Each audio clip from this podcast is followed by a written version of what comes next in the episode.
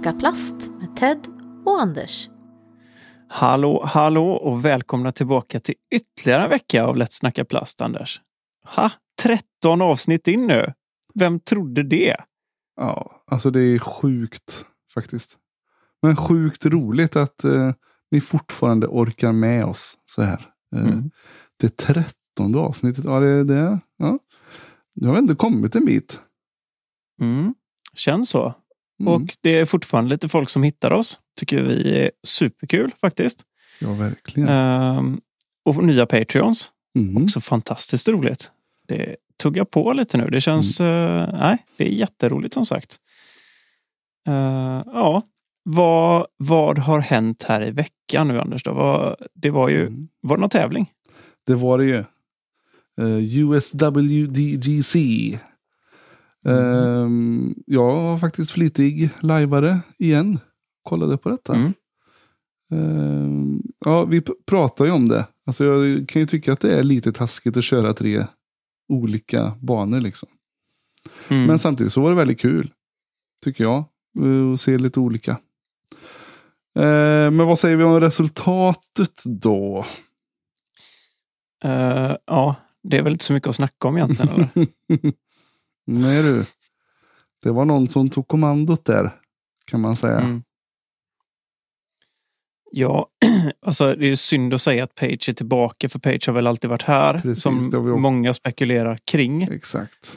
Men eh, alltså 22 under par framför Mm. Haley King 9 under par. Mm. Det är ändå kross om du frågar mig. Det är det. Alltså jag tittade fram till, jag tror det var tionde hålet på sista rundan. Och eh, hon hade ju stängt butiken för länge sedan då. Och Hailey Mm. hade ju en mindre rolig runda kan man ju säga. Så det var ju, Mm. snacket var ju liksom att kommer hon klara hålla andra platsen? Det var ju det som var. Hon var alla Mm. fyra, eller var hon två efter eh, Page inför sista rundan tror jag. Mm. Eh, men Precis. det, det sket ju sig rätt kapitalt med en gång där. Mm. Så sen var det ju en, för mig, rätt ny bekantskap. Som var uppe och nosade där på tredjeplatsen. Eller på, hon var ju på jakt efter andra. Mm. Hade du koll på denna madame sen innan? Ella Hanson? Mm. Eh, nej, alltså jag har sett henne. Hon har ju varit på väg upp lite förut också. Det var någon tävling tillbaka där hon faktiskt en riktig, riktig bombare. och Hon kastar sjukt långt också. Jag hörde ju att hon switchade förra året. Från Ultimate Mm. till eh, Disc Golf. Just det. Mm. Och det där var hon en liten fixstjärna. Kan man ju säga. Mm.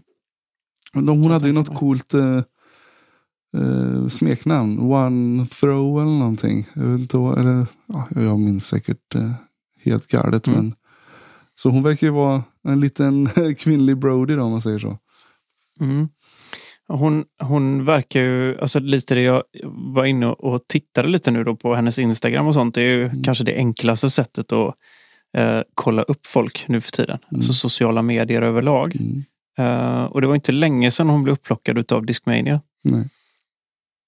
Men eh, ja, jätteroligt att se. Jag var också med. Sen är det ju tråkigt det här med California time. Man eh, orkar ju inte. Man får Faktiskt, kriga jag- bara. Vet du. Jo, jag dog totalt.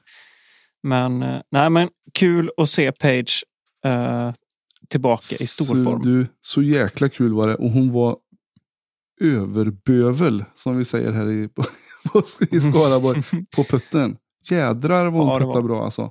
Men och Ja. även att hon vågade ehm, sätta lite avancerade linjer. Och de satt verkligen. Mm. Ehm, Alltså, jag var inne och kollade tredje rundan. Det var väl då vi var inne på diskorden båda två. Mm. Och du bara, nu är det någon, någons putter som brinner. Mm. Och det var verkligen så. Hon var ju helt crazy. Men kul att se henne kasta mm, och träffa linjerna. För hon, det var inte bara det att hon puttade bra. mm. Alltså hon totaldominerade de banorna. Det var ju galet. Men hon gav dem inte en chans att komma ikapp. Det var ju, hon fick höjd-OB. Den, Mm. Det var det enda liksom. Ja, den var riktigt tråkig. Ja. Men, Ja. eh, Tänkte du på hur olika banorna var dock? Första dagens bana tyckte jag, nej, den var liksom lite stökig tyckte jag. Mm. Ja, Ja. absolut. Sen så eh, var ju inte Bengtsson imponerad av gräskvaliteten på sista heller. Nej. Eller vilket gräs. Men- Alltså, det är ju, alltså det är ju, om man hörde, åh herregud, uh, Valerie, Valerie Mm. Doss Jenkins. Jenkins, Mm. ja precis. Hon sa ju det, liksom, alltså det snackas hela tiden om eh, The Californian, eller Hard Pan, Mm. just eh, den hårt packade sanden som de spelar på. Det är ju lite det, både där och De La Vega och sånt. Mm. Det är ju snabba griner alltså. Nej, men det var, jag tyckte det var superkul att se. Mm. Eh, och fokusera just på damer på heltid så att säga. Sen Mm. tyckte jag det var jättekul att se också hur många herrar som var där och titta. Mm. Jag såg eh, bland annat eh, James Conrad där med utsläppt hår. Han såg riktigt stiff ut och lite solglasögon sådär. Mm. Släppte ut manen. Han var ju iskall. Och så Mm. var det även Drew Gibson såg man ju också Ja, precis. eh, med sina tats. Han var nöjd. Mm. Får flexa dem lite. Ja, han ligger dock i lä mot uh, Klas kan man ju säga. Det är, Även om han har. Klibberklabbe. Mm. ja, Klabbe har de sjukaste gaddarna på, eh, på den här sidan pölen i alla fall kan jag Ja. säga. Men uh, Kat smög in på en femma. Mm. femte plats. Fem under par. Tråkigt tyckte jag att inte Kat kom för hon, Mm. det är jätteroligt att se Kat. eh, så, alltså att hennes putter är igång. Mm. Det är roligt att se för hon, nu känns det som att hon, hon är där in contention hela tiden. Mm. Men här gav hon sig inte själv chansen. Alltså Nej, nu, precis. vi får ju då snacka att jag fick en jävla massa skit där från en poddkollega i branschen då för att jag drog till med att eh, eh, Kat hade dålig putter i förra tävlingen. Men det var ju just, eh, om man kollade första rundan, det var ju där hon tappade turneringen kan man ju säga. Hon, eftersom hon bara var ett kast ifrån på slutet. Eller det slutade med ett kast ifrån.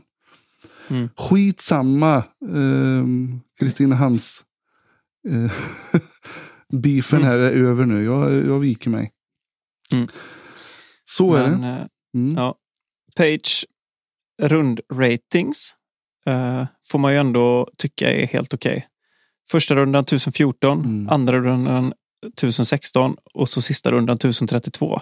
Mm. Så att, eh, och sen hade ju Hailey King, en, hennes andra runda var inne på 1038 va? Mm. Så det är ju inte, inte super dåligt spelat kan man ju säga.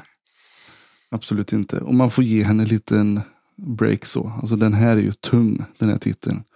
Och så komma Mm. in just och jaga Page. Mm. Eh, och så går det lite snett. Alltså då är det ju, man såg det att här spelar liksom åldern ut sin rätt på något vis.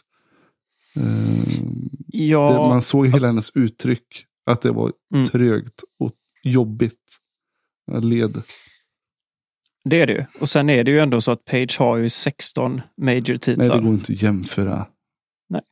Hon har varit där flera gånger. Hon kör på rutin och man såg på henne, alltså hela hennes sista runda. Jag tyckte det lyste självförtroende i henne. Hon tog kommandot som du sa och sen så körde hon sitt spel. Mm. Och hon satte ner foten direkt. Och på de här villkoren kommer ni spela nu. Ska ni ta mig, då kommer ni också behöva jaga. Liksom, Mm. För att nu, jag släpper inte detta. Jag tror att det var lite sån armbåge i sidan till alla som har liksom Precis. tyckt att oj, oj, oj, nej men nu har hon tappat det. Mm. det nej, det har hon inte. Hej, hon är, Mm. hon är het. Och så tycker jag också om att se en, eh, hennes samspel med Nate Perkins, då, hennes eh, Mm. caddy. De sitter verkligen och funderar och tänker och, Mm. och sen exekverar hon. Men det är samma lite med Hailey King. Hon har ju, eh, det är ju Brian Earharts flickvän som kaddar för henne. Mhm, Mm. Eh, som hon, har, hon har ju varit med nu på alla tävlingar det sista. Och jag tror för hennes del så kommer det vara ganska avgörande för att hon ska kunna ta sig vidare. För att, och jag tror lite att det är åt det hållet man kommer kunna se de större spelarna har nu. Att de kör någon caddy som kan bagen för dem. Och Mm. att det inte bara blir den här kompiscaddien. Jag hoppas på att det blir så. För det Precis. öppnar ju upp möjligheterna för många. Liksom. Precis. Mm. Sen hade du samlat på dig lite stats också. Yes, det är så här att jag, nu kommer jag att referera till den podcasten på andra sidan eh, ja, andra sidan Atlanten Mm. som vi brukar referera till. The Nick and Matt Show. Mm. Eh, det, denna dagen, lyssnar du på den? Jag har inte hört färdigt Inte hela, jag, men jag har Faktiskt inte, det. tyvärr. Det är hans brorsa Josh som är med. För Nick sitter på ett tåg. Mhm.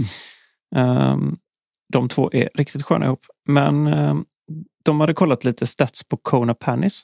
Mm. Och eh, hon var överlägset bäst på fairway hits. Mm. Och till att landa i Circle 1 och Circle 2 in regulation. Mm. Däremot så var hon typ, jag kommer inte exakt ihåg vilken siffra det var, men någonstans runt 50 i cirkel 1x och cirkel 2x. Mm. Ehm, så hon kan man ju säga så här, hon tappade ju hela sin tävling eh, med sina puttar. Och det sa de också, hade hon puttat medel, medelbra bara, Mm. så hade hon inte varit på den placering där hon var. Nej, Vad tror du Anders då? Vad, Jag tycker att det ser lite kymigt ut. När hon står och gör den här laddningen på fyra meter liksom. Mm. Eh, och den är tuff. Men samtidigt så får vi inte glömma, var det Waco eller? När hon ägde. Då var den ju het å andra sidan. mm, Då satt ju allt. Så det, men, jag tror det kanske är fönstret för att den ska vara het är mindre. mm. Och, och då blir felmarginalen större. Och nu förstår vad jag menar. Så det blir... Ja, jag förstår precis vad du Mm. menar. Eh, jag tror ju också att det kan vara så att Waco just var ju den tävlingen där hon, alltså det var ju starttävlingen för året. Mm, Och hon har ju haft sin off-season där hon har jobbat jättemycket på den här putten. mm, Så då kan det ju varit så att hon kände väldigt mycket mer självförtroende för den där och då. mm, Och då var det det som behövdes för hon rasade ju totalt på, var det DDO eller var det Jonesboro eller någonting sånt va? Jag tror att det var katastrof för henne, verkligen. Den var, nej, det, det är ju hennes akilleshäl. mm. Det kan vi ju komma överens om. Nej, men det är nog bra att kanske ha någon alternativ eh, också. Men samtidigt så förstår jag om hon vill hålla sig fast vid den här. Försöka cementera Mm. den liksom. Men om man kollar som till exempel eh, eh, Nicolo Castro.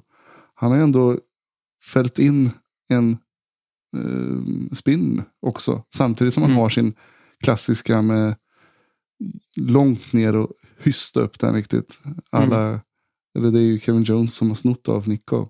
Men eh, Mm. Kan vara bra att ha en när man känner att den andra inte riktigt är på. Bara liksom för att kunna Mm. spela s- normalt. Så att det Mm. inte liksom störtdyker som du gör nu. Nej, för jag tror att hon kommer behöva jobba på den här ganska rejält nu på eh, nästa off-season. Mm. Eller så. Eh, frågan är bara om det inte kanske är värt att börja lägga in Nej. växeln och faktiskt ändra om lite nu till och med. Alltså ha ett alternativ till den. För att, så precis som du säger, utanför cirkeln eller liksom en bit bort, då känns den ju ganska het. Alltså hon har ju träffat Mm. långa puttar. Mm. Men precis som du är tre, fyra metrarna, mm, känns lite stolpigt faktiskt. Ja, och grejen är ju att då, hon träffar ju mest på am-side. Och när vi säger så, Mm. så menar vi alltså vänster sida av kedjorna. Du vill ju träffa höger. Så att den liksom skär in i kedjorna. Nu har ju Mm. hon den här fel, felaktiga lutningen. Och, Mm. och vill då träffa mer i mitten tänker jag mig då kanske. Men då Mm. får du ju lätt om det att den kastar ut den åt vänster istället. När den träffar Mm. kedjorna något sånär dåligt. Mm. Medan du jämför med Page som sätter den högre upp i, i korgen och eh, i kedjorna och det är liksom bara den, den liksom fångar dem åt henne Mm. på ett helt annat sätt. Ja. Precis, antingen är det ju klockrent i mitten eller så är det ju liksom höger, eh, alltså Mm. höger pro-side som vi kallar Mm. det för. Så att, eh, nej, som sagt, det, och det, jag har ju själv haft lite problem med mina puttar genom tiderna och ehm, det känns lite som att det är en känslig punkt för henne. Att det är någonting som hon har lite av ett problem med. Och då tror jag också att hon kommer behöva jobba med någonting där du tar bort så många moment som möjligt. Mm. Du behöver hitta den här superrena, enkla putten som inte ställer till det för henne. Men är det det att hon tycker att hon utvecklar för lite fart med någon traditionell metod? Eller vad, vad kan det vara tror du? För att visst, man får ju en, en fin flykt med den här Annie-putten Mm. hon har. Och det Mm. finns ju sådana som har lärt sig att bemästra den också. Om du tittar på Julie Barry till exempel. Mm. Julie Barr hade ju lite av en Anheuser-putt också Mm. eh, ett tag och sen har du haft de här Ron Russell var ju en av de mest kända som hade exakt samma grej. Och, eh, jag hörde ju någon, något utlägg om det när, ehm, jag tror att det var Avery Jenkins som pratade om det. Att just liksom saken med det, det är att du går upp och så låser du armbågen. Så att du får det här liksom sträckt armbåge och du kan inte komma vidare mer än dit. Mm. Men, men som du då till exempel lyssnar på Feldberg och um, Climo när de har sina. Alltså just det att du har samma... Det är mer stansen och hur du rör din pendel Mm. som är avgörande. Och sen om du öppnar och stänger handen. Precis. Och det hörde jag ju henne själv. Hon pratade om att hon har ju hittat en, en liten timing sekvens Mm. Och det är när hon sätter ner högerfoten. Mm. Att den, att, uh, hon gör ju någon grej, eller om det är när hon släpper vänsterfoten. Någonting av den där har det ihop med timingen med släppen på releasen att göra. Och när Mm. det inte stämmer, då, är det, då blir det kajko. Precis, och grejen är så här att, att förlita sig på just det Mm. känns som att det är, då är man lite ute på hal is om du frågar mig ju faktiskt. Jo, och Eh. f- exakt. För att du står ju inte alltid på en plan fin yta och lyckas hålla stansen du vill. Och allt det, då måste hon ju byta till en straddle andra sidan. Till exempel om hon Mm. står i ehm, nära OB eller vad fasen som helst. Eller um, konstig stance helt enkelt. Mm. Då måste hon ju backa ändå. Och göra något annat. Mm. Ja, Så det- jag ska ju inte sitta här och, och killgissa eller liksom döma ut henne för jag spelar absolut inte på touren. Men eh, jag, som sagt, jag, det, och det är många som har eh, haft eh, ja, starka åsikter om den. Jag tycker att Ja. funkar det för henne så jättebra. Men eh, från ett utomstående perspektiv så känns det som att någonting behövs göras om det ska fungera. Ja, men som sagt, när hon började här nu på säsongen så var hon ju stekhet med Worlds och ehm, eller vad Star, vad heter den? All Star Weekend. Mm. Eller något sånt där. Och så var det Waco direkt. Då var han ju on. Men då var det som Mm. du säger att då kom hon från off-season och då hade hon liksom matat och tränat. Um, nej, den kan nog vara bra, men som sagt, jag tror att det kanske inte är den mest stabila för att hålla sig på en konstant, någorlunda hög lägsta nivå. Nej. Mm. Men det är Så som är det sagt, med vi, det. vi, vi är ju, alla diskuterar detta. Så är det Mm. ju. Ja, och man kan ju liksom bara ge sitt take på det och vad som har funkat för en själv och referera tillbaka till Mm. egna liksom, eh, grejer. Men eh, ja, jag önskar henne i alla fall all lycka resterande tid av säsongen oavsett vart det går. Och jag är nog den sista att kasta en sten kan jag säga. Så mycket olika putttekniker och så vidare jag har testat för att komma fram till det som fungerar. Men eh, ja, så är det. Mm. Hade vi någonting annat där då? Vilka, hade vi några mer som körde de här US Det är Women's? klart vi hade. Vi hade ju även Pro Masters. Körde ju Mm. vet du. Women. Och då var det Julia, Juliana Corver, ingen skräll. Att hon, eh, hon gick upp en division. Hon, kanske var, hon har varit nere och smakat lite på Open. Men Mm. eh, kände väl att eh, ska jag ta hem lite lätta cash här. så körde hon Master då. Och det gick ju vägen. Och så var det Sally West tvåa och Jennifer Allen trea. Hon har också Mm. gått upp till Master. Hon är ju master. Det är bara det att eh, jag tror precis som Juliana Mm. att eh, ibland så kanske inte mastersfältet är så stackat och Mm. det vet jag även här hemma. Att det är många masterspelare som går upp och spelar Open för att de tycker att det är, startfältet är bättre. Det är roligare att spela med Mm. vissa människor. Ja, och sen blir det ett avvägande också. För att eh, jag tror att ta eh, första platsen där. Eh, jag vet inte vad brytpunkten är för att du ska casha mer på Open. Nej. Det, gör du nog inte. Eventuellt. Men jag tror ju om man ser till hennes resultat så hade hon ju inte kommit så högt upp i Open heller Mm. På den här tävlingen. Så det var något smart drag. Mm, det tror jag. Och sen var det, hon har ju plockat på sig en del major-titel Mm. genom åren. Jag kommer inte ihåg var detta var någonstans i, i hennes, men det är väl typ 40 eller något sånt skulle jag kunna tro. Liksom, så att hon är ju sjukt meriterad. Mm. Mm, Ja, hatten av. Verkligen. Yes. Mm. Nästa vecka, eller nu till helgen blir det ju till och med. Mm. Ehm, vi spelar ju in detta på tisdagar om ni inte har förstått det. Det är därför vi har satt deadline tisdagar. Men nu till helgen så är det ju Masters Cup i, som spelas på De La Vega. Mm. Ehm, och de har gått ut nu från Disc Golf Pro Tour och säger att det tyvärr inte blir någon live. Det är för att de inte har någon täckning där. Ja, det- är ju för jävligt. Fan, tänk Mhm. på oss som sitter och dedikerar våra helger till detta. Det har de gjort. De, de har i typ två veckors tid försökt med allt mellan himmel och jord. Jag såg att de Mm. har till och med kontaktat Verizon som är en av de större liksom, eh, såna här mobiloperatörerna. Och det, de får inte ihop det för det är så mycket radioskugga där uppe. Mm. Så det är helt sjukt. ja, ja. Vi får förlita oss på postprod idag. Då misstänker Det jag att det blir blir all in där då. Mm, det tror jag det blir. Jag tror Mm. att de till och med kommer öka liksom, eh, postprodden där. Mm. Så, att, eh, så är det. Mm. Mm. Du har gjort en liten notis om avståndstoren här Ted. Att den eh, rullar. Yes, det var en god vän till mig som sa det att kan inte ni lägga en liten blänkare om att avståndstouren fortfarande är på gång. Så in på Mellgrens DG Events och eh, spana upp detta, Mm. avståndstouren. Det är ju är mysigt det. att bara få in några runder. Uh, vart är det man... eh, eller är den PDG-sanktionerad? Oj, Jag Det här för, borde jag ju- Bara för att liksom få in lite rundor. Jag vet faktiskt jag inte. vet i alla fall att du måste... Det, mm, alltså, jag vill inte ens sätta mig och killgissa den där. Faktiskt. Skitsamma. D- ja, den bör vara det. För att det har ju varit ett krav nu under den här perioden att man måste ha Mm.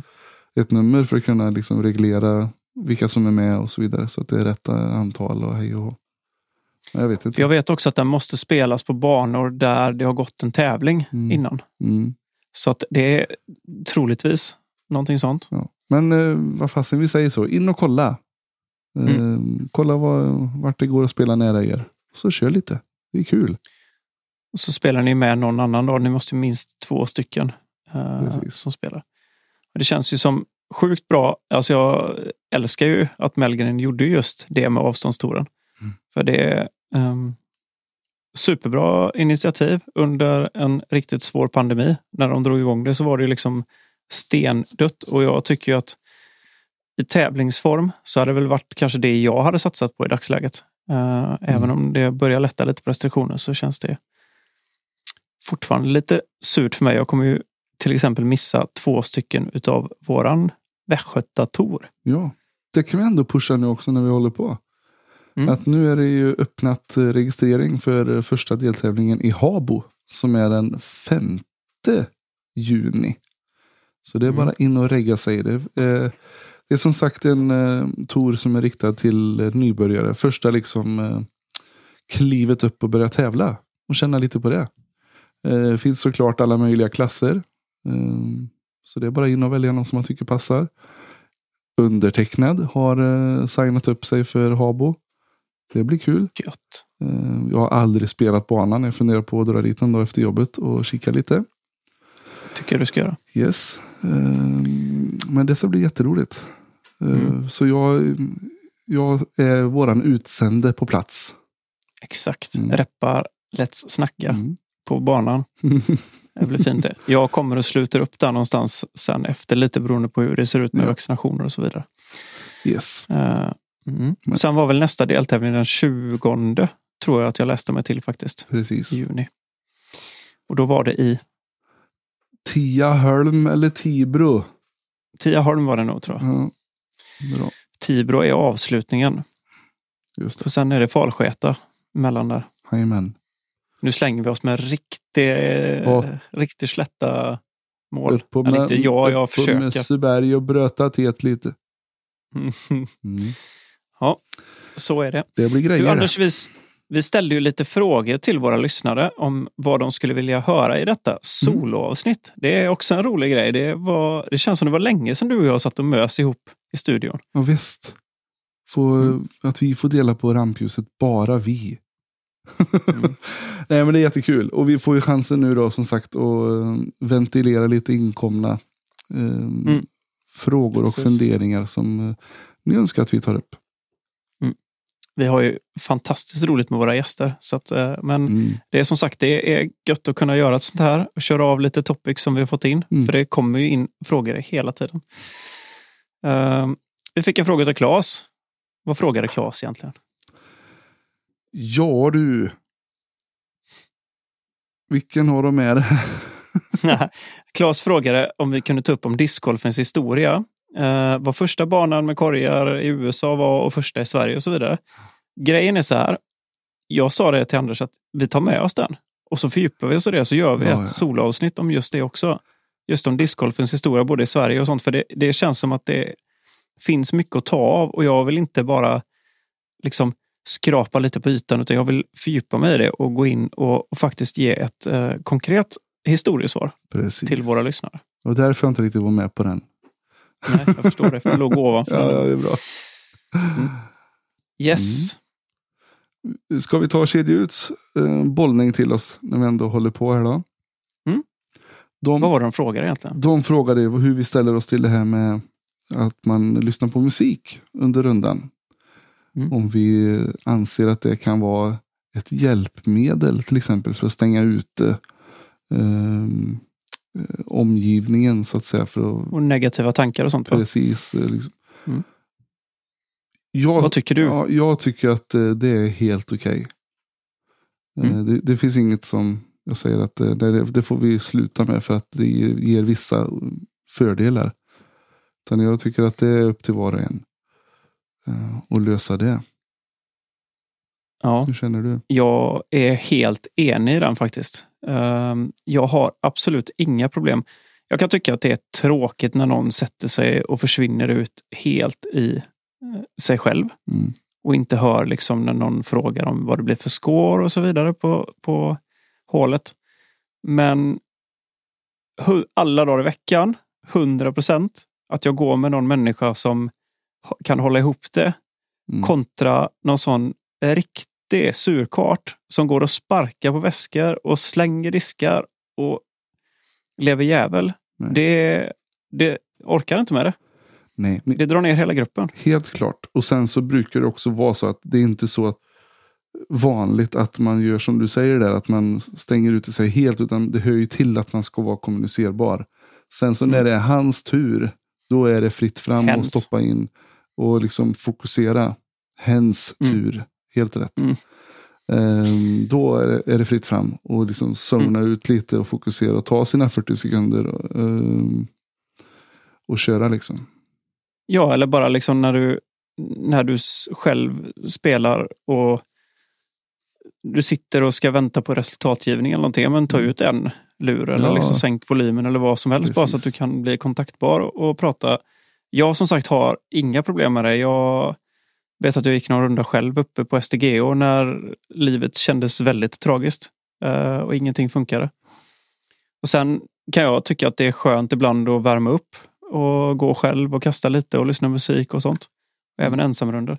Så, som sagt, jag har inga problem med det. Jag vet att det finns de som har det. Jag tycker sköter man det bra och gör det på ett bra sätt så har jag liksom inga som helst problem med det. Hellre Ja, det ja. än att man tar med en liten boombox ut. Mm. Nej. Ehm, skämt åsido. Ehm, Mm. Jag tycker det är en bra grej om man sköter det snyggt.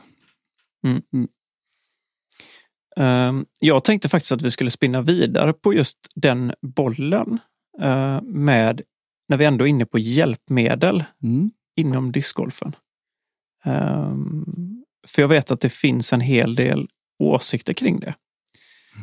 Eh, så jag tänkte kolla med dig Anders, vad, vad tycker du om diverse hjälpmedel? Vad är okej och vad är inte okej? Mm. Ehm, ja, vad kan, det, vad kan det vara som inte skulle vara okej? Om jag vänder den frågan tillbaka till Mm. dig. Alltså många tycker ju att till exempel en avståndsmätare eller så här golfkikare, Mm. att det är djävulens påfund. Och det är inte alls okej att ha det. Ehm, eller att man skulle ha en vagn för sina diskar till exempel. Men jag tänker att vi kan börja med avståndsmätaren. Vad Mm. tycker du om det? Den har ju varit förbjuden. Mm. Men eh, sen så fattar väl folk att eh, ja, det ska ju trots allt kastas också. Och det är väl där i ehm, expertisen och eh, skillsen sitter. Att du får Mm. reda på att ja, jag ska kasta 70 meter. Det är liksom inte bara givet för dig att du kommer gå fram och kasta 70 meter. Utan det är också alltid en flykt att ta hänsyn till och så vidare. Så det sitter ju i armen liksom. Det är där det, är där eh, det gäller. Eh, Mm. Så jag kan tycka att eh, det är rätt att man har släppt så att man får använda sådana nu. Helt enig. Ehm, jag tycker personligen, och det här är min personliga åsikt nu. Jag pratar inte för någon annan, utan jag pratar Mm. för mig. Så tycker jag att det är... eh, jag förstår inte varför det inte skulle vara okej. För det, det är lite som jag fick liksom värja mig lite för att jag tyckte någonstans att det... Ja, men jag har inga problem att se att folk skulle ta upp det. Jag kan ju tycka att på ett hål som du står och ska kasta som är 90 meter från 10 Mm. Har du en tidsign som säger ungefär 90 meter, ja, men då vet du att det är 90 meter. Ja. Däremot om du kommer ut på en par femma till exempel och du har kastat ditt första kast eh, och du vill till exempel veta vad sweet spoten är och du kanske inte har spelat banan jättemycket eller det kanske inte spelar någon roll för du, sitter, du, är, du är på ett läge där du inte riktigt... Jag säger att du sitter i skiten ute i skogen och så Mm. vill du veta på ett ungefär vart du vill landa. Och så tar du ut ett avstånd från det det, jag menar, du, som, precis som du säger, du ska kasta de metrarna. Det är ingenting. Och sen är det faktiskt så att vissa människor har kanske inte så himla lätt för att, att kunna ta avståndet genom att bara titta på någonting. Mm. Alltså just avståndsbedömning. Alla är inte lika så här, ja, där är 90 meter, där är 120 meter, där är 30 meter. Eller ja, Mm. 30, jo men du förstår vad jag menar. Det, det blir liksom, jag kan tycka att det är en icke-fråga. Har man släppt på det så förstår jag inte varför man inte skulle kunna använda sig av saker som faktiskt, som faktiskt ger dig hjälpmedel att, att kunna prestera på, på ditt absolut bästa. Mm. Nej, det du, är, du har mig. Du hade Mm. mig på hello. Ja, jo, men jag tror vi, vi tänker ju ganska lika du och jag på Mm. det här, men jag, jag är mycket inne för att kunna ge mig själv de förutsättningarna för att kunna prestera på mitt absolut bästa. Mm. Sen är det upp till var och en om de vill köpa en avståndsmätare eller inte, men jag, jag, jag använder det till och med nu när jag kör Perfect Putt 360. Mm. Det går sjukt mycket fortare att bara skjuta avståndet än att stå och liksom Mm. försöka stega upp det. Så Nej, eh, Jag vet, jag köpte en sån till svärfar. Jag tror inte han använder den. Så gå och kolla om den ligger Mhm. någonstans i någon låda. Min har också sån fuskfunktion. Vet du. Den har slope. Så jag ser. Och det är ingen Bushnell faktiskt. Så att det, det går att hitta. Mm. Man behöver inte en Bushnell och kasta nuke för att komma veta exakt vart man ska. Nej, nej, nej. Men eh, det, och det, eh, det är väl min take på det överlag tycker jag. Alltså hjälpmedel för mig. Jag, jag är väl inne på att skaffa mig en vagn. För jag har ehm, problem med ryggen ibland. Framförallt på längre runder. Tävlingar och sånt. Så tycker jag att det är de ställen jag kan använda en vagn så kommer jag definitivt göra det. Why not? Nej, men kunna sätta upp paraplyet också en solig dag och gömma sig lite, få lite skugga. Mm. Det är mycket grejer som, som faktiskt eh, kan hjälpa en. Ja, det, det, apropå det, alltså, vagn. Ja, det är knappt ett hjälpmedel men det, är- det är en bra grej och det ser jäkligt skönt ut. Till Mm. exempel om man ser Ricky som han har ju varit eh, användare av den länge. Och Mm. bara har det fasta locket som man bara kan fälla ner och sätta sig på. Liksom, och Mm. Mysa lite. Det ser ju otroligt eh, bekvämt ut. Mm. Ja, Jag håller med dig. Det frågar liksom lite vilken vagn man väljer att att kolla på. Mm. Jag tror att jag själv är mer inne på Suka Kart just för att ha eh, om du skulle åka på en tävling som du kanske inte riktigt vet om den lämpar sig för vagn eller inte. Mm. Då är det också lätt att bara ta ur ryggsäcken och, och kunna köra med den. Precis. Mm. Mm. Fiffigt. Sen så eh, var det ju uppe, i- jag vet att Kedja Ut pratade om det. Om det är liksom inte hjälpmedel rent fysiskt. Eller jo, det blir det ju. Men det här med att eh, använda sig av preparat och så vidare. Mm. Det är ju aldrig okej, anser jag. Det är en helt annan Mm. diskussion. Men eh, likväl Ja. i den här sporten som i andra sporter så tycker jag att det ska vara eh, nolltolerans mot sånt. Mm. Men i det så tror jag att de flesta väger in musik också faktiskt. Att det skulle vara någon form av substitut liksom för att... eh, Att eh, kroppen eh, utsöndrar substanser, ej tillåtna Mm. substanser. Det är för mycket dopamin här, du är dopad. Mm. Ja, nej. Jag menar, vad skulle man dra gränsen då? Kaffe? Ja, precis. ja, nej, eh, den är lurig som sagt. Men eh, Mm. sprit och droger har inget på banan att göra. Om man inte Nej. är och har en an- arrangerad svensexa.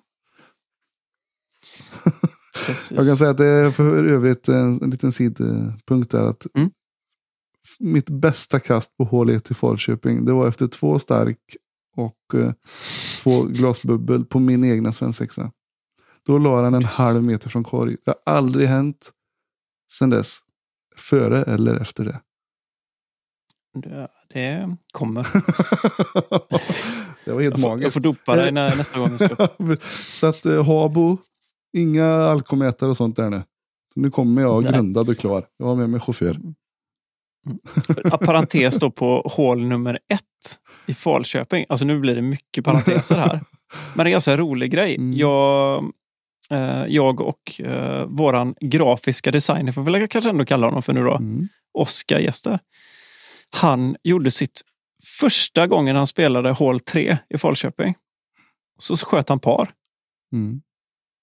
Det är starkt. Det är starkt. Det är ändå en liten tuffing. Mm. Superfin forehand med kaxig. Sen la han upp den mot korg och så tap-in. Snyggt. Ja, jag tyckte det var coolt. inte svårare än så. Var rikt...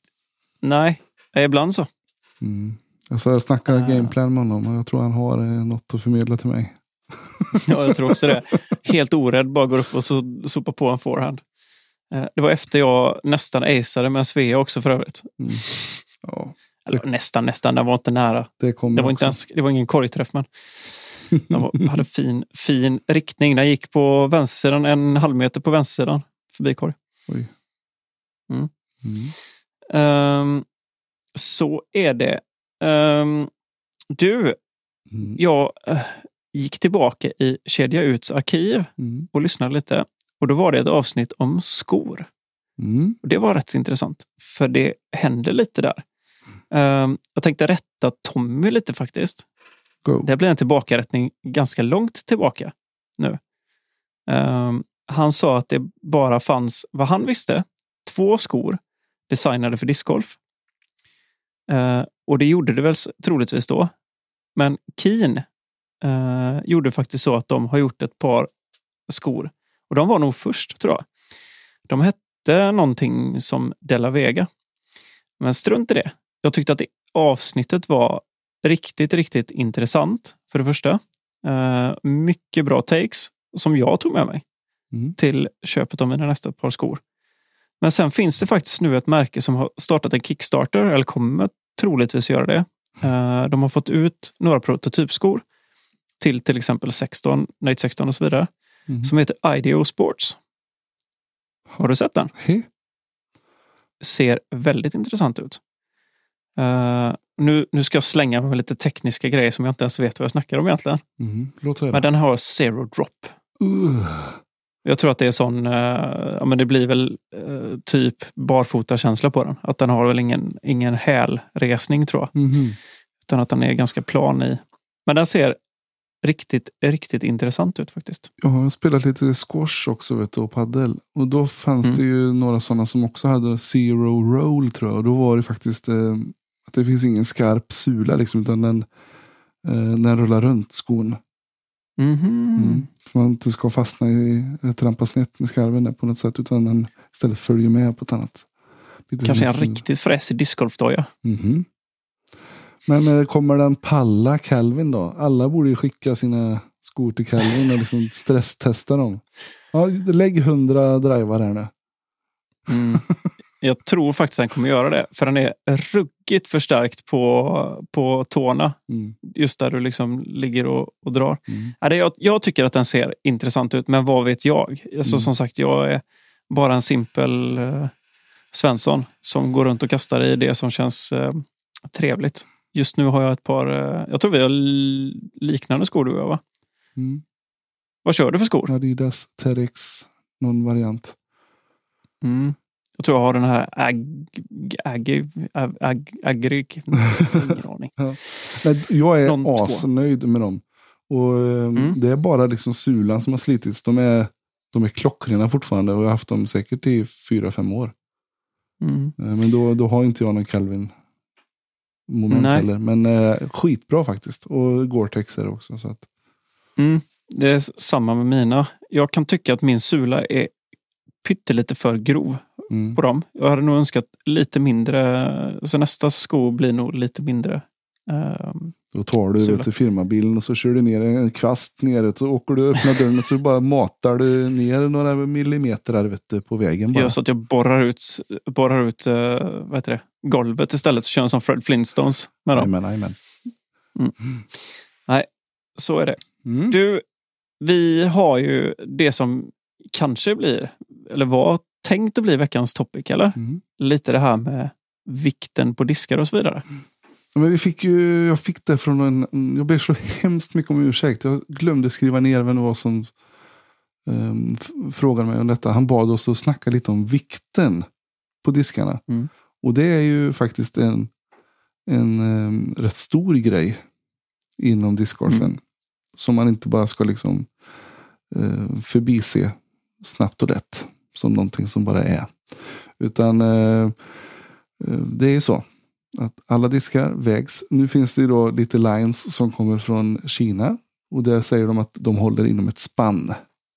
Eh, Men i övrigt så faktiskt så har alla diskar en egen viktstämpel på sig.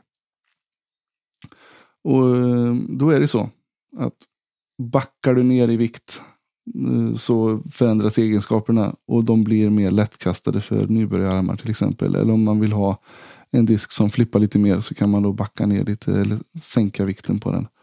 Eh, När du köpa- säger flippar Mm. lite mer Anders, Mm. vad menar du då? Ja, men till exempel har jag en, eh, eh, en disk som är någorlunda stabil eller mer eh, överstabil. Och så den väger 175 gram som kanske är maxvikten på den. Och det är också en sån här grej att diametern styr maxvikt. Eh, Mm. Det är därför eh, midranges som är lite större diameter på, de får väga mer. Medan eh, drivers då, som har en viss maxdiameter får väga X. Då. Men eh, tar du maxvikt och så jämför du den med en som väger 15-20 gram mindre så kommer den förmodligen vara lite mer understabil. Eh, och kanske gå längre för dig. Så det där är väldigt Mm. intressant. Så utforska det här. Testa och eh, liksom köpa lite olika vikter och ut på fältet och provkasta. För att det kan vara nyckeln till framgång. Det behöver inte Mm. vara så att du behöver byta disk. Utan du kan bara gå ner i vikt. Eh, Jag har till exempel en Falk på 155 gram. Den är helt sjuk. Och den ska jag låta min son ta. Men jag tror att han tyvärr har redan byggt upp en för stor arm för den också. Mm. Men eh, jag, jag har den som liten backup om jag träffar på någon som behöver den. Och en liten get out of jail också kanske? Absolut. Det är superkul. Men ehm, ja, det här med vikten som sagt. Det är ju det är något som eh, är skithäftigt. Och det tyckte vi var väldigt roligt när, när vi började producera de här. Att eh, Mm. som sagt, kunderna köper programmen. De lagerförs på grammen. Eh, det är helt magiskt. Mm. Mm. Vad är din take på vikter? Du har ju ändå spelat sedan 95. eh, Hur liksom har det ändrats under tiden? Mycket, skulle jag säga. Ehm, när jag började kasta, då var ju alla diskar ehm, i den här vad ska man säga, billigaste plasten som finns nu. Mm. Eller den här base, basplasten. Um, lite mer grynig och um, väldigt mycket mer känslig mot trädträffar och så vidare. Så där gjorde vi så att då köpte vi maxvikt. I och med att man slet in diskarna och så blev de ju mer understabila då. Mm. Uh, i, I takt med att de fick stryk. Just det. Så då, då var det inte så mycket annat val egentligen. För att de som var väldigt lätta från början gick ju typ inte att kasta till slut. Alltså de, uh, det som Anders säger när de flippar över, att de liksom... Så att du kastar en disk. Uh, nu ska jag ta Henkes. Han frågar, kan du inte säga det när att referera till en vänsterhänt någon gång? Mm. Ja, jag ska göra det. Bara för det. Uh, för när du som vänsterhänt backhandkastare, känn på den här Henke, den är för dig. Så, och du kastar en stabil disk så kommer den ju dra till höger. Mm. Ganska rejält. Uh, men om du har en riktigt, riktigt understabil disk, då kommer den gå till vänster ordentligt. Mm. Och de var så understabila för oss så att de rullade över nästan. Så det blev ju Mm. typ som en roller direkt. Så jag vet att jag hade en, en DX Cheetah någon gång. Uh, det var nog first run. Den var så extremt understabil. Så jag fick lägga ner den på sån extrem heiservinkel. Alltså verkligen så att så spetsen på disken eller, eller vet du, rimmen på disken, den pekade ner mot mina tår. Typ Jag släppte 90 den här grader. vinkeln. Ha? Ja, 90 grader, rakt av. Så jag släppte den här vinkeln. Det tog nog inte mer än 20 meter innan den slått över åt motsatt håll och lagt sig på en rollervinkel och började rolla. Det var äh, helt tokigt. Mm. Eh, Men nu när plasten har blivit mycket, mycket bättre. Vi har en uppsjö med jättetålig plast. eh, Som också gör diskarna mer stabila från början skulle jag säga. Då tror jag att det är läge att titta på lite lättare vikter. Mm. Framförallt om du inte har Calvin Heimberg eller Ricky Wysocki eller Eagle McMahons bussa. Mm. Eller Page Pierce för den det, sakens skull heller om man är... eh, jag tror hon kastar ruggigt långt. Men har du inte sånt, sånt superteknik eller sånt bra tryck, då finns det ingen anledning att köpa fullvikt egentligen. Jag vet att jag har gått ner på några av mina destroyers. eh, är jag nere på typ 168 till 167 gram. Mm. Och de flyger jättebra. Jag får bättre turn på dem och jag får mer längd. Mm. Så att, eh, och det var lite det som Hasse var inne på nu sist. Precis. Med de här eh, airdiskarna som de kallas för, eller, eller bubbeldiskar, de som har luftbubblor i rimmen Mm. För att göra diskarna lättare. De har ju också blivit mer stabila nu efter de har tryckt dem ett par gånger. Mm. Så att eh, det är ett tips om man vill kasta längre. Jag kan garantera er att ni kommer få typ 15-20 meter extra bara på att gå ner i vikt. Absolut. Det är, det, det är stekheta tips vi kommer med här nu. Mm. Jag kommer ihåg eh, precis i början när vi höll på och skulle börja producera lite drivers och sådär. Då fick vi till oss en Blizzard Boss tror jag det var. Mm. 156 eller sånt där. Så titta på den här. Blizzard är alltså Innovas eh, variant utav de här luftbubbeldiskarna då, Precis. som det kallas för. De här lättviktsdiskarna. Det var en sjuk långkastardisk. Var det. Mm. Den satte jag mitt första eh, längdpers på 115 meter. Det var jag jävligt nöjd kan jag säga. Det kan jag förstå.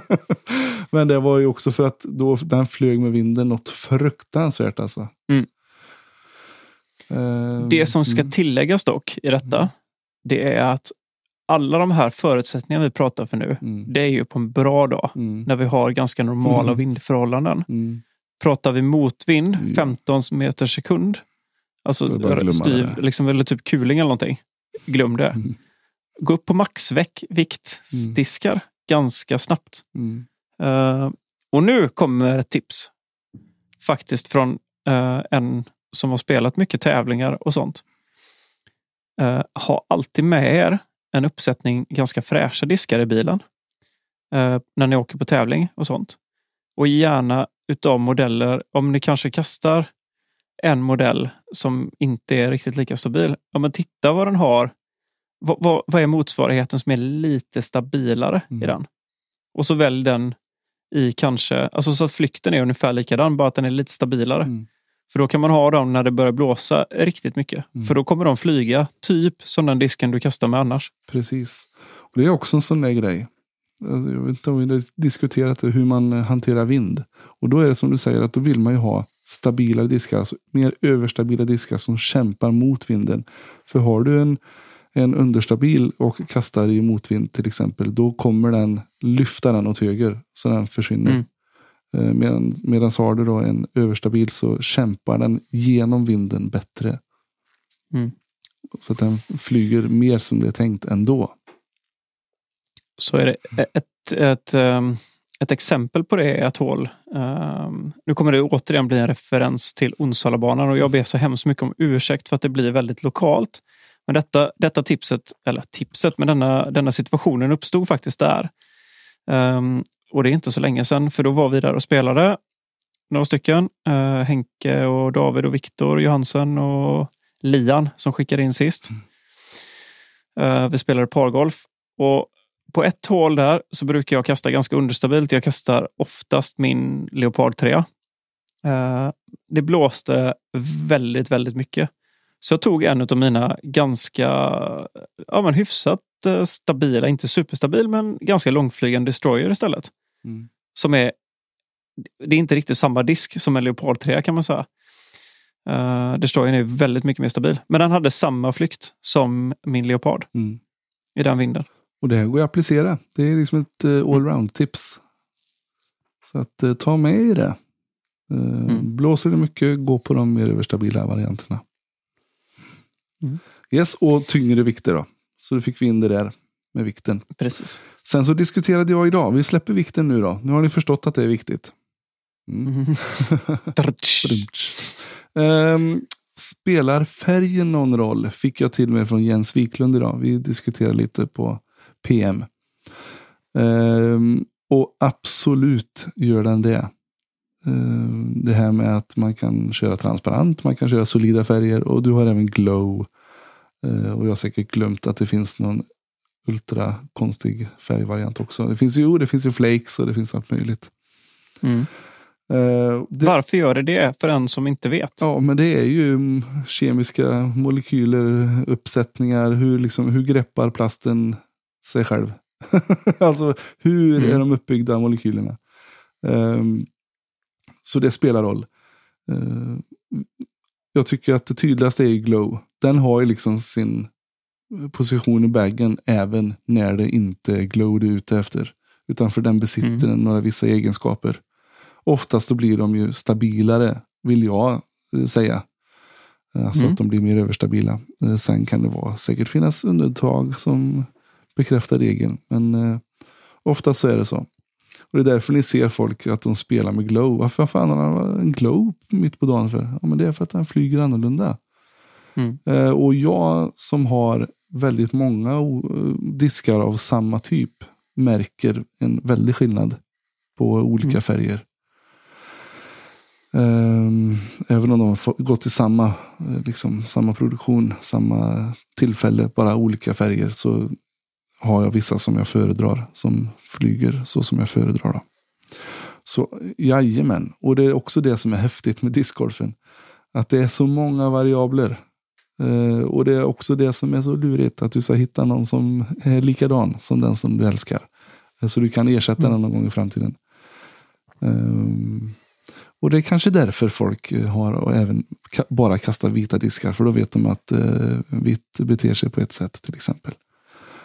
Mm. Så att det inte bara är att det blir kliniskt och eh, preussiskt i baggen. Utan det är även så att eh, man minimerar avvikelser i flykt. PGA-färg. Så jajamän Jens. Eh, ut och testa olika färger. Ehm, och så får du se. Dra dina egna slutsatser. Vi hade faktiskt när vi kastade mycket Cyclone, Mm. eh, som var en av de diskarna som kom som var eh, första premiumplasten kan man säga, eller en, en av de bättre fairway. Man skulle nog ka- kalla den för fairway driver nu. Det var ju inte det då. Då var det en distance driver, liksom. eller vad vi kallar den för, en driver. Där var ju färgen sjukt viktig. Mm. Alltså gröna flippade. Svarta var stabilare. Lila var väl en av dem som jag tror var bland de bättre. Mm. Vita diskarna flög rätt bra, men sen de röda var inte alls bra. liksom. Och så vidare. Det var jättekonstigt. Mm. Ja. ja, så är det. Och jag, Mm. jag, minns, eh, jag minns ju en run här med eh, Grym. Eh, dels så blev de ju lättvikt och eh, sen så blev de otroligt poptop. Och det är ju bara två färger. Det är den här babyblå och en ljusrosa solid. De Mm. blev otroligt poptop. Och jag tror att det var en av teknikerna som freebasade lite där. Och så kom de där ut. Mm. Men eh, de, de eh, har ju blivit sådana här lite, vad ska man säga, eh, unicorns nu. Mm. Ehm, mm, men håll koll. Och försök att bunkra upp så man får Därför är det måste köpa flera samtidigt. Så ifall det är så att eh, du Mm. hittar några som du tycker om så vet du att du har någon att ersätta med. Mm.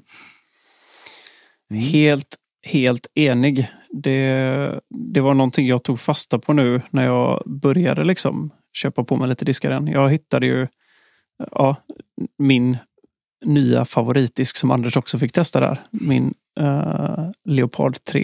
Jag Mm. pratar hela tiden om den. Men den är i glow. eh, och den flög ju sjukt magiskt. Så det var ju bara att sätta sig och dammsuga. och hitta nya. Så Mm. nu sitter jag på ett, en stash av sex stycken. Mm. Det tycker jag Ja, det är faktiskt är lite roligt med Kasta Plast också. Att de faktiskt har eh, datumstämpel på sina. Det är rätt intressant. För då kan man liksom jaga den där speciella runnen också. Mm. Den där lappen sitter aldrig kvar på mina. Mm. Det ska du ha kvar vet du. Det är bra att ha. Jo, men den Den- flyger av och blir blöt och så vidare. Ja. Jag kastar ju mina diskar. Det är det som är lite tråkigt. Ja, men äh, Mm. den är hyfsat tålig ändå. Och apropå att kasta plast då. Så eh, senaste dagarna så har det varit lite snack på eh, den största svenska Facebookgruppen där vi pratar eh, discgolf. Eh, och det har ju varit lite eh, synpunkter på hur diskarna ser ut nu. De senaste som har kommit ut på marknaden. Alltså producerade inte nya molds utan eh, Eh, de som man köper nu. Och då är det ju så här att eh, de har flyttat en del av produktionen till en ny fabrik. Eh, och det innebär vissa svårigheter och utmaningar för den fabriken. Jag vet att det var uppe bland annat K3 Reko. Det var en som frågade om det skulle se ut så här och då var det lite liksom skiftningar i ytfinish. Och K3 är extremt lurig. Eh, den är lite volatil och beter sig lite irrationellt ibland. Och då kan den liksom skifta så att det blir matt på undersidan och blankt på översidan på liksom en del av disken. Inte hela, utan bara en del. Eh, och det är liksom dagsform på materialet och på maskinen. Och, eh, det, det har alltid varit så. Och det har varit eh, okej. Sen så, alltså okej från Kasta Plast då, att man, vi, vi, kör, vi kan inte liksom ex-outa allting. Liksom. Det funkar inte. Utan den här, det är ju en sån plast som också ska slitas in eh, lättare. Och den är, det är en putter liksom. Så att man får ha lite överseende med det. Sen så tycker jag att det är värre när det är, eh, man ser uppenbara defekter från produktionen. Alltså just eh, sugkoppsmärken och diverse repor och slitningar som man ser att det är, det är liksom hantering. Eh, och det kan även vara hantering i maskinen. Eh, och det är samma där. Eh, vi kommer komma över på K1 här snart också. Men det är intrimning av maskinerna och gubbarna som kör. Så hav förtröstan. Det kommer bli bättre. Det, det är inte lätt. Är det inte. Och börja dra igång. Och sen vet jag att de även har kör i fler maskiner nu. Mm. Så då kan det också vara att eh, man byter maskin. Och då beter sig den lite annorlunda. Och i ungefär samma veva så kom det en kille och frågade om, eller hade synpunkter på hur hans eh, K1 Grym såg ut. Och kommer lite så här produktionsteknik igen då. Och då vet jag att den, de, K1 Grym och Grym X, de eh, är väldigt känsliga. Eh, för att det är så stor skillnad i tjocklek på flightplaten och eh, rimmen. Och minsta lilla som man säga, avvikelser i parametrar och i yttre omständigheter gör att då, då fastnar den i ena halvan eller att den blir svårare att få ur maskinen. Och då mm. blir det små repor. Och det är även så att ibland så rör sig materialet i eh, sprutan, alltså, eller i, i formen. När, när den är färdigsprutad och kallnar. Det är så att de kommer ut som en flytande sörja och så sprutas den in i den här formen och så formas det en disk. Och sen så ska den svalna till en viss nivå. Händer det att eh, det inte får bli perfekt i det skedet, då kan den liksom röra sig lite grann. Och det kan man se till exempel på det som är graverat i. Tittar man på det, det står ju så approved by PDGA till exempel. Är den lite suddig, då vet man att då, då har det hänt någonting. Då är, och det, det, är inget som går att styra över, utan det bara sker. För att det, det är en sån finkänslig produktion, om man säger så. Mm. Så att eh, det händer också. Men, eh, och nu som sagt med eh, produktionssitesbyte så ge dem lite tid. Det kommer bli bra. Ehm, men ehm, vi vill ju ha fram diskar. Det känner jag det är det viktigaste. Sen förstår jag att ehm, folk blir besvikna för de har diskar som ser helt perfekta ut. Och så köper de nya nu och förväntar de sig att de ska se lika fina ut nu också. Och det har faktiskt varit ett signum. Det tycker jag att Kasta Plastik gick in med en otroligt hög standard från början. Att de har alltid varit väldigt välpolerade och snygga. Och klina tryck och allt det här. Så att, eh, det är klart att det svider lite nu. När man tappar lite den här kvalitetskänslan.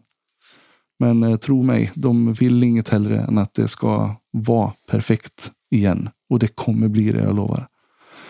Mm. Så att eh, hav förtröstan. Eh, köp diskar och stötta producenterna. Och eh, ja, som sagt, vi är, alla vill ha.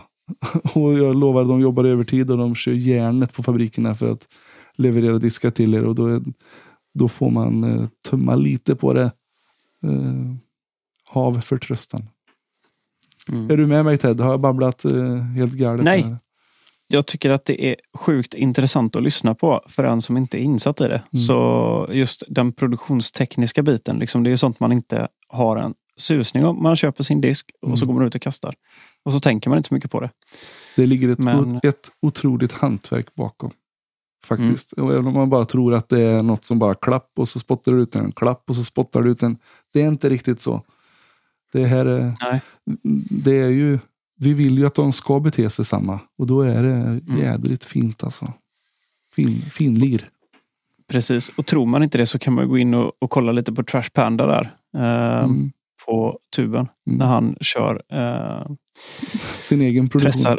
Ja, exakt. Då fattar man lite hur, um, hur mäckigt det verkar vara. Mm. Jag kan även rekommendera Latitud har ju också någon, mm. någon video där man ser hur det, hur det går till. De går inte in i några på parameternivå utan man, man får i alla fall se hur det går till.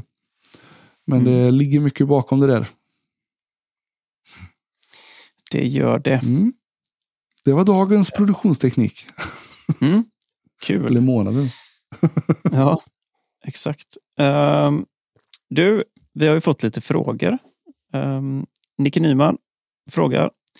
Hur gör vi uh, för att hålla ihop koncentrationen på tävlingar. Mm. Det tycker jag att Hasse var duktig på.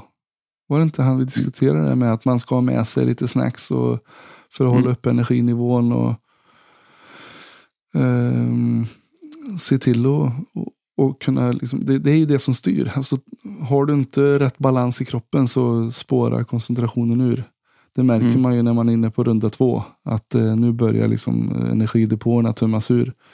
Mm. Eh, håll på, ha med dig nötter och russin eller vad som helst. Hög, högt energiinnehåll. Ta en näve då och då liksom för att inte tappa blodsockernivån. Och, sen koncentration är inte bara det såklart. Utan det är också försök att fokusera på ditt. Är det någon som eh, beter sig lite konstigt så äh, försök ignorera. Gör det du kan för att bidra till en bra stämning och eh, bra koncentrationsnivå för, för din grupp. Mm.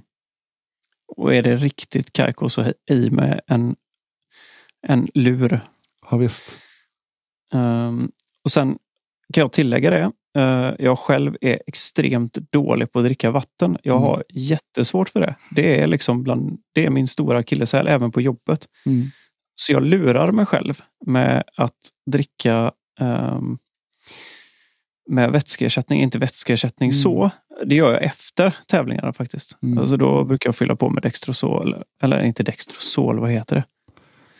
Ja, uh, Resorb, Resorb ja, och så vidare. Mm. Men det finns ju en hel del sådana här um, energidrycker och sånt. Sådana här pulver man kan hälla i. Mm. Som innehåller liksom elektrolyter och, och liksom lite druvsocker och sånt. Det brukar jag köra och så brukar jag även ha eh, ibland faktiskt lite Dextrosol bara när vi pratar om det. Uh, just för att få liksom lite extra, en extra kick. Mm. När man verkligen behöver dippa. Man ska försöka hålla igång vätskenivån och sånt hela tiden. Men om du är riktigt dålig på det så då funkar faktiskt druvsocker ganska bra.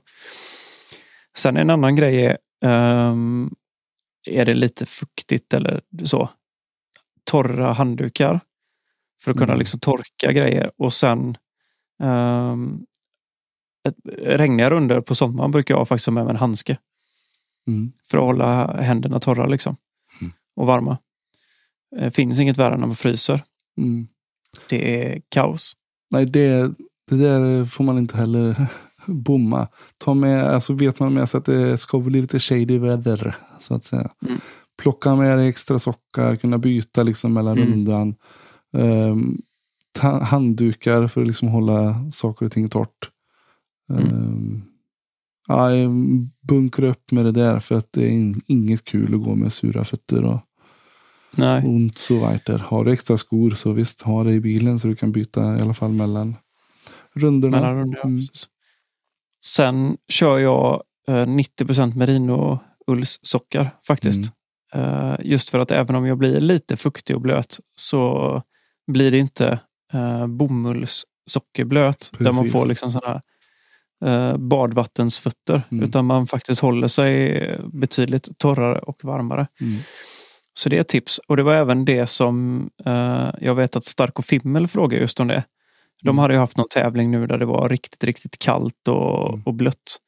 Uh, så mitt tips just för det är liksom att ha med sig extra handdukar och gärna mm. en, uh, en påse i, uh, eller två påsar mm. där du lägger handdukarna i. En för blöta och en för torra. Mm. Och sen en handduk som du förtorkar innan du tar uh, dina mikrofibers handdukar. så att du inte...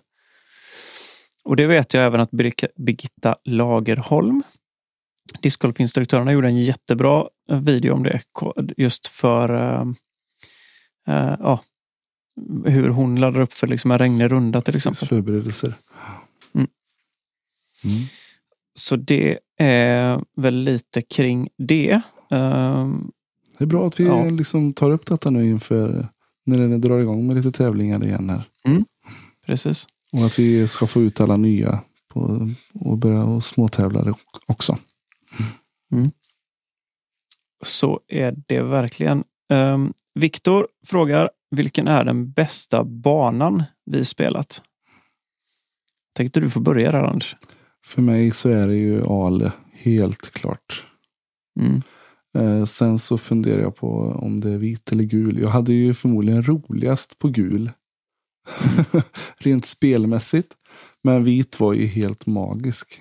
Alltså just uh, få se något sånt fint skulpterat. Mm. Enbart för detta ändamål. Det var ju helt sjukt faktiskt. Jag hoppas att som sagt, vi behöver inte prata mer om det. Men äh, den, äh, den är överlägsen för min del. Mm. Um, jag vet inte hur tråkig jag ska vara. du får säga samma. Men, äh... Ja, men alltså, det är svårt att inte nämna Ale vid den bästa banan man spelat. Uh, för att jag tycker att både Ale blå gul och vit. Mm. Det är tre sjukt genomtänkta och bra banor. Mm. Där du får allt. Du får hela helheten. Men jag tänker också säga så här att jag tänker inte ge dig en bästa bana. För jag kan inte säga vilken den bästa banan är. Men däremot så kan jag ge dig fyra banor. Eller ja, det blir ju mer då. Men Ale discgolfcenter. Alla banorna där är skitbra. Mm. Uh, Järva discgolfpark. Fantastisk bana. Terminalen uppe i Skellefteå. Har ni inte varit där och åkt dit? Och sen uh, en annan riktigt bra bana som jag spelade var faktiskt uh, uh, Hässleholm uh, i Skåne. Mm. Jättefin. Den har jag hört talas om. Och så här, åk till Skåne och spela liksom de flesta, både Bulltofta och Helsingborg. Alltså Bulltofta. Sen Sankt Hans ser fantastiskt ut. Mm. Jag har inte spelat den, men den ser ju magisk ut. Det jag har sett. Mm. Vi får åka ner och få oss en lektion av Mr Johan. Det. Mm. Eh, sen fick vi även en annan fråga från en annan Viktor eh, om hur vi ska utveckla sporten. Men Mm. jag tänker att vi skjuter över den frågan till nästa vecka. Ja. Eh, och då kan vi faktiskt spoila att vi har en gäst, Anders. Vem har vi med oss? Oh, ingen mindre än Henrik Nordberg från DGTV. Mm. Det ska bli sjukt kul att snacka med honom. Ja. Ja, alltså, verkligen. Jag ser sjukt mycket fram emot att få höra mer om hur det är att göra videocontent Mm. eh, i Sverige. Alltså som våra motsvarigheter i USA. Central Coast och Jomes och liksom, vi har ju ändå några svenska alternativ till det som, som jobbar stenhårt. Så det ska bli kul att höra lite vad, hur det går till för dem och vad de håller på att pyssla med. Liksom. Och vad det är för apparat bakom och hela den grejen. Jag tycker att det ska bli super, super roligt faktiskt. Jättekul med en eh, seriös aktör. Jag vill inte trampa någon på tårna men eh, vi har ju saknat den. Eh, och att han tar över lite. Eller att de tar över facklan. Alltså jag tyckte ju att AK Discgolf gjorde något bra Mm. när de började. Jag, jag tittar ju på allt som de släppte. Mm. Eller som han släppte. Sen vet jag inte Mm. riktigt vad som hände. Eh, men skitsamma. Nu har vi ju DGTV och eh, ser väldigt fram emot eh, det de kan prestera nu när allting drar igång igen. Mm. Jättekul. Mm. Och behöver ni ha lite schyssta röster som kommenterar så vet ni vart ni hör av er. Dessutom har vi ensam. Jag är inte dyr. Nej, nej, inte jag heller. Jag, nej dyr är jag absolut inte. Eh, Stark och Fimmel Mm. har även frågat en annan fråga, Anders. Jag läser den, jag vet inte om du läst den, men jag läser den här nu från vår Instagram. Det är en av de eh, sista frågorna vi fick in där. Mm. Om det fanns en liten svart box som berättar helt sanna och pålitliga diskstats på ett ögonblick. Vem skulle gynnas mest av det? Vem skulle förlora på det? Diskproducent, återförsäljare, proffsslutkund eller amatörslutkund? Slutkund? Mm. Jag tror ju att eh, alla skulle vinna på det. Jag tror inte att du går ut och ja, den där kommer passa mig perfekt. Eh, Jag köper den, jag köper ingen annan. Utan, eh, Mm.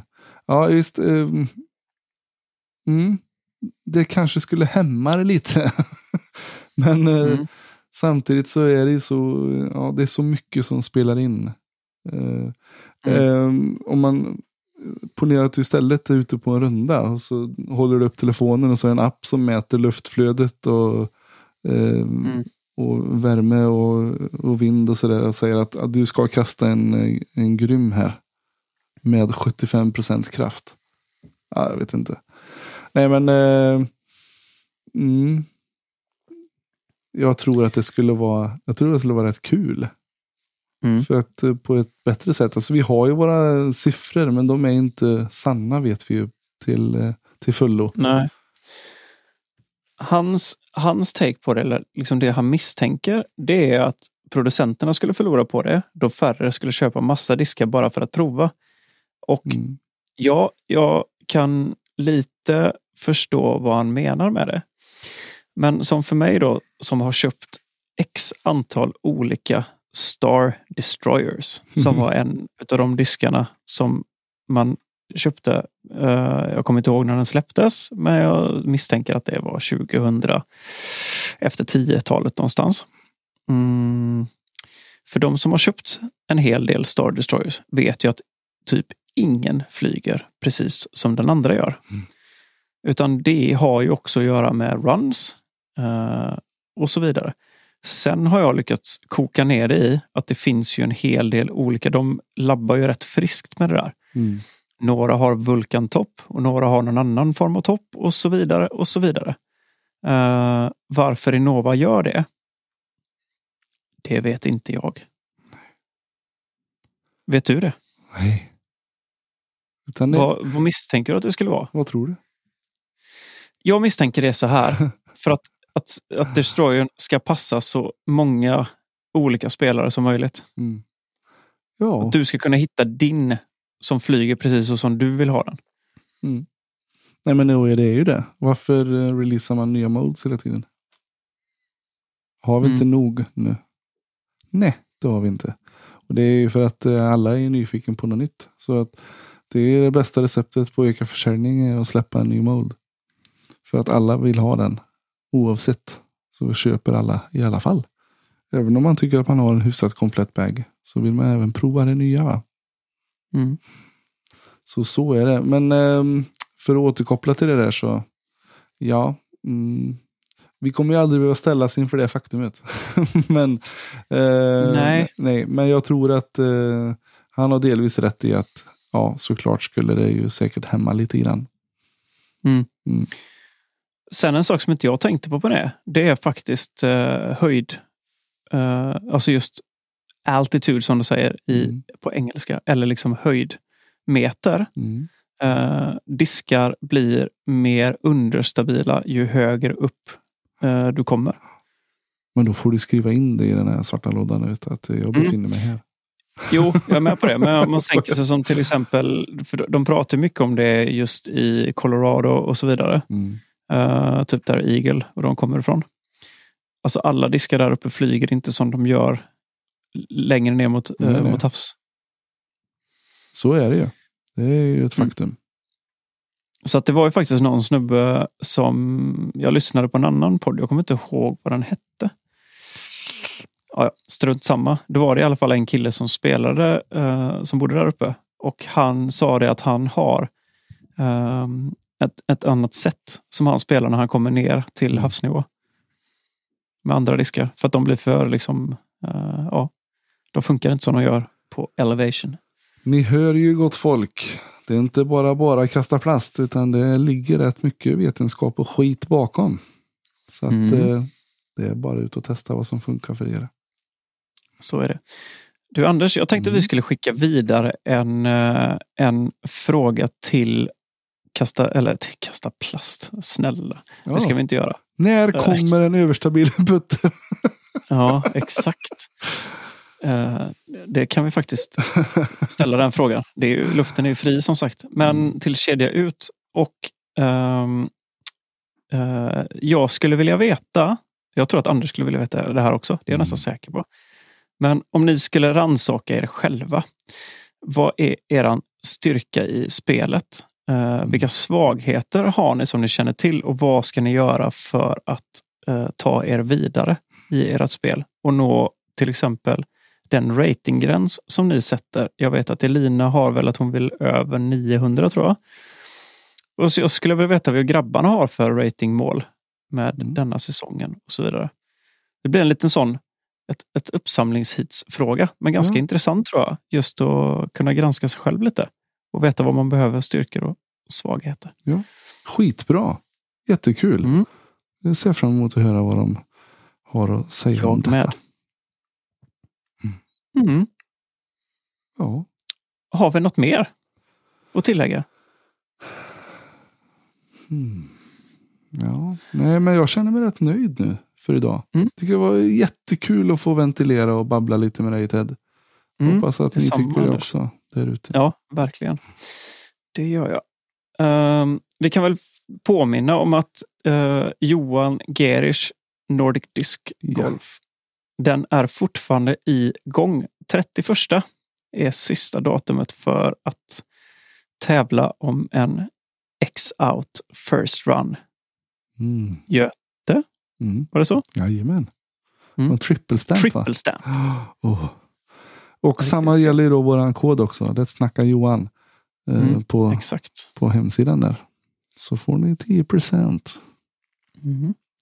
Vi får ingenting, sagt- men vi tycker att det är kul. Ja, ja, ja. Det är superroligt. Vi har ju fått en hel del nya följare på vår Instagram utav Johan. Så Det skitkul. tackar vi och bockar och bukar. Det var Ja. jätteroligt. Mm. Och så tackar vi våra patrons. Mm. Anders, det är superkul att ni vill stötta det vi gör, Mm. tycker jag. De mejlen är extra roliga att få. Mm. Man, du har en ny Patreon. Oh, blir man så glad så high-fivar man i etern här. Och så fick vi ett annat mejl, Anders. Mm. Som vi, vi har fått några så små mejl, men det här var ju lite av en milstolpe. Vi är över 5000 unika nedladdningar på podden. Det är faktiskt sjukt. Det trodde inte jag. Ja, kanske det skulle krävas en hundra avsnitt. Nej. Nej. Nej, men det är jätteroligt att så många lyssnar. Det är skitkul. Och eh, ni är så snälla och skriver så fina saker. Och det värmer och det ger oss energi och glöd. Och eh, vi eh, tycker att det är skitkul. Så att Mm. nu knäcker vi 10k sen. Lätt. Lätt. Då blir det, då blir det bubbel. Mhm. Kasta bubbel då. Vi får inte dricka bubbel. Precis, så får det bli. Nej, men vi tuffar vidare. Mm. Mm. Härligt. Gött. Då ska vi säga så. Jag tycker Är det. det slut? Det är färdigt nu. Ja, gött. Då hörs vi nästa vecka. Det gör vi. Ha det gött nu. Tack för oss. Hej då! Hej då. Hej och tack för att ni lyssnade på denna veckans avsnitt av Lätt snacka plast med Anders Torstensson och Ted Sylén. Vi vill passa på att tacka Björn Wennerborg för hjälp med jinglar, Oskar Gäster för hjälp med grafiken och vi vill återigen rikta ett stort tack till våra Patreon-supporters. Era bidrag hjälper. Om du också vill bli Patreon, gå in på Patreon slash Let's snacka plast. Vi hörs igen nästa vecka. Ha det fint så länge. Hej då!